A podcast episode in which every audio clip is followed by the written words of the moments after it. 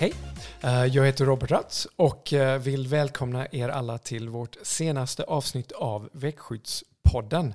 Och eh, Växtskyddspodden är producerad av BSF Agricultural Solutions och här vill vi ta upp relevanta ämnen för lantbrukare, för folk som har anknytning till lantbruket och helst gärna någon anknytning till växtskydd som namnet säger.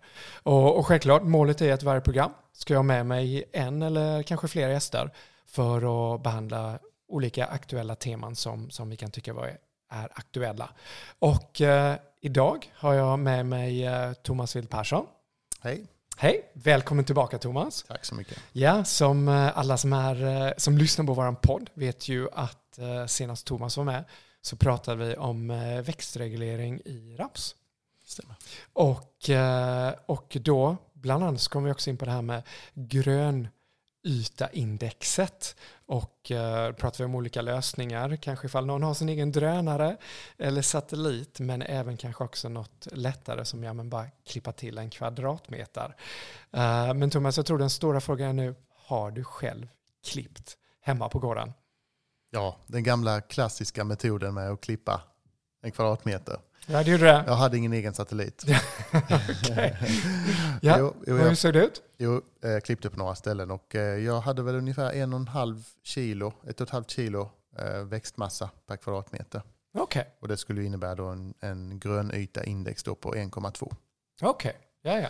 Så, och det är du nöjd med just nu eller? Ja, precis. Då när jag klippte så det var ju kan man säga tillväxtens start. Så att ja, då, då vet jag ungefär både med gödsling och med tillväxtreglering hur jag ska lägga mig där. Okej, okay. ja, men spännande. Ja. Men eh, det var ju det vi pratade om sista gången. Mm. Men det vi rundade av med var ju då att vi kom in på nitrifikationshämmare. Och uh, vi tänkte att det kanske kunde vara ett uh, intressant ämne. Uh, speciellt kanske i dagens debatt med klimatet och, och allt det där. Så, så, men, men Thomas, vad är, vad är eh, nitrifikationshämmare och varför skulle någon som, som lyssnar på den här podden uh, vara intresserad av, av just det här ämnet? Ja, eh, nitrifikationshämmare det är ju något man kan då tillsätta till sin eh, stallgödsel eller organisk gödsel. Det måste ju inte vara stallgödsel, det kan även vara ja, biogasgödsel eller vad det nu kan vara. Alla typer av gödsel där det, in, där det finns ammoniumkväve. Så att säga. Mm. Stallgödsel mm. eller organisk gödsel med ammoniumkväve. För det som, det som eh, händer när det hamnar i marken det är ju då att det, det omvandlas av bakterier i marken. Eh, eh, olika grupper av bakterier som omvandlade till nitrat. Och nitrat är ju då eh, blandar sig i vattnet eller löser sig i vattnet och då är det också risk att det rinner ut med markvätskan. Om det regnar mycket eller, eller det är vattenmättat på något sätt. Då. Så att det, man gör med nitrifikationshämmare det är att man hämmar de här bakterierna och man bromsar den här nitrifikationsprocessen under en viss tid. Så under en viss tid så kan man då hålla kvar kvävet som ammoniumkväve. Och det minskar ju då risken att eh, kvävet läcker ut på olika sätt. Okej, okay. men, eh, men eh, det är ju inte bara vad ska man säga, liksom mot kväveläckage utan jag har även förstått att det är också i när det gäller CO2 och lustgaser. Där har den ju också en, en, en, en viss mekanism. Ja, det stämmer. För att när den här nitrifikations eller mineraliseringen av kväve som man kallar det då, nitrifikationen som sker i marken, då, då bildas också eh, lustgas. Och även, även om man då har, om nitrifikationen sker och man har eh, nitrat i marken och det skulle bli vattenmättat, då kan man få det som heter denitrifikation. Som okay. är en, ja. en, annan process. Inte, inte omvända processen, men, men en annan process. Men det är också bakterier inblandade där då i marken. Och då, eh, då bildas också lustgas och och kvävet försvinner upp i luften så att säga. Så att, eh, och det är det vi vill undvika framför allt. Ja, och, och, det, och det jag tror jag nämnde i sista avsnittet också att man har ju gjort forskning på det här och man visar att det minskar med vad det är 40 eller 50 procent minskar man den här, eh, man kan minska lustgasbildningen. Eh, och jag tror, jag försökte skämtsamt säga, men ifall det är 40 eller 50, det är ju fortfarande en väldigt stor eh, siffra. Så det, det, jag tror det gör det absolut tankevärt. Och, men det, det, får man också tänka, jag vet, här i januari var jag på en konferens i, i Danmark. och där pratar de också om ja, men växtskydd. Om man tittar på den eh, CO2-insatsen som man kan göra på sin, på sin eh, gård, då är, jag tror, eh, växtskydd bidrog med mer än mindre än 0,4 procent av det CO2. Men om man då tittar på skördeökningen som man får genom att använda växtskydd så tror jag det är upp, jag tror de sa upp till 40 procent var deras exempel. Så, så det är också växtskydd där i den balansen kan ju också hjälpa till. Och det tycker jag också är spännande att ja, men här kanske då finns ett annat verktyg eh, som man kan använda. Ja, och det är ju återigen det är helheten som är viktig. Och mm. eh, växtskyddsmedlen kan ju då bidra till att hålla uppe skörden på grödorna. Och det är ju faktiskt jätteviktigt också ur klimatperspektiv också. Ja. Och så är det ju det här med lustgas. Den är ju en väldigt aggressiv, eller ska man säga väldigt farlig klimatgas då, som man säger runt 300 gånger eh, värre än koldioxid. Så därför så en liten minskning på lustgasen har stor effekt på klimatgaserna. så att säga. Ja, men precis.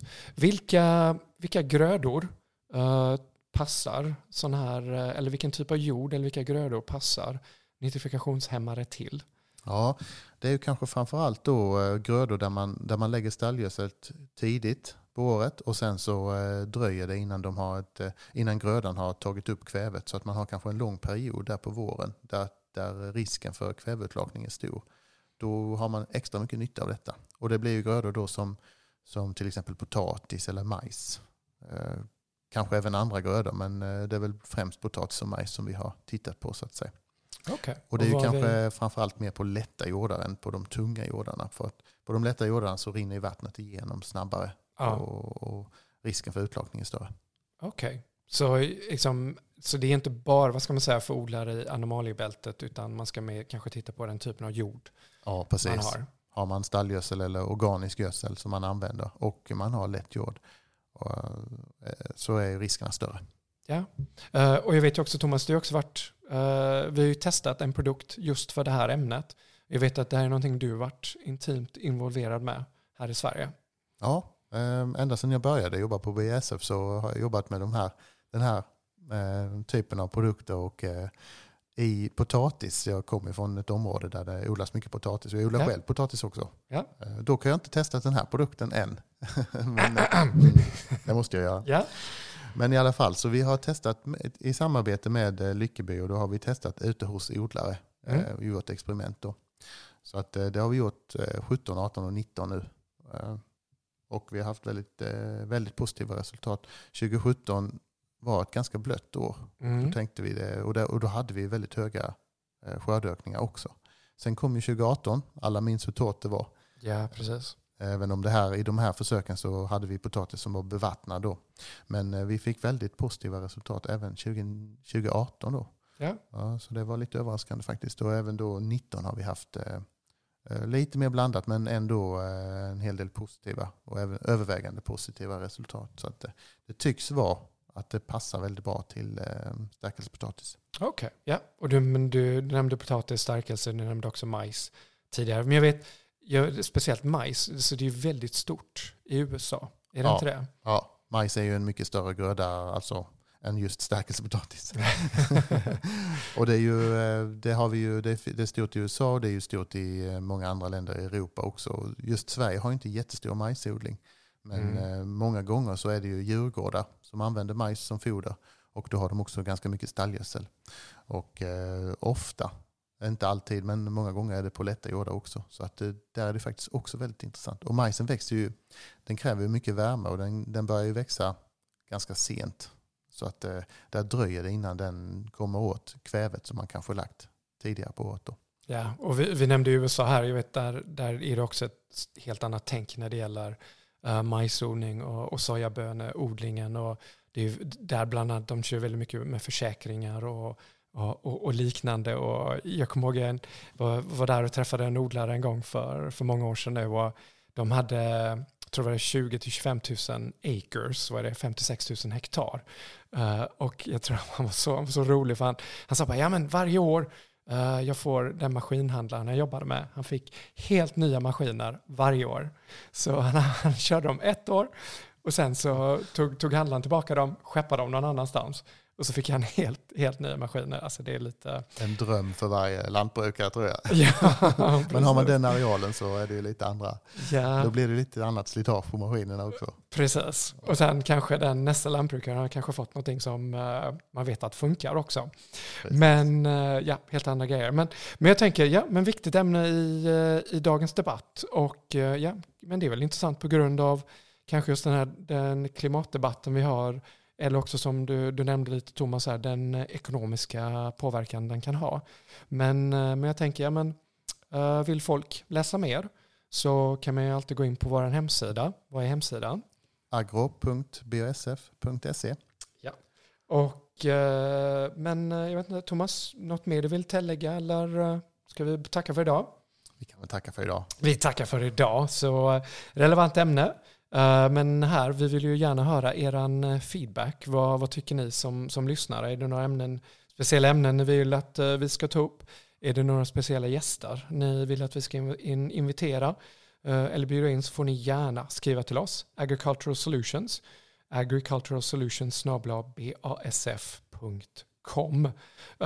Och idag har vi kanske pratat, jag har egentligen mest pratat nitrifikationshämmare, eh, men generellt sett så pratar vi också om växtskydd. Det är ju också i namnet, så, så glöm inte att eh, använda alltid växtskyddsmedel med försiktighet. Läs alltid etikett och produktinformation för användning. Observera alla varningsfraser och symboler. Och som BSF, vi är medlem i Svenskt växtskydd. Så tack för att ni lyssnade. Thomas, superkul att du kunde vara med idag också. Tack så mycket, kul. Ja, och eh, så då på återseende. Vi hörs. Hej då! Hej då. BASF. We create chemistry.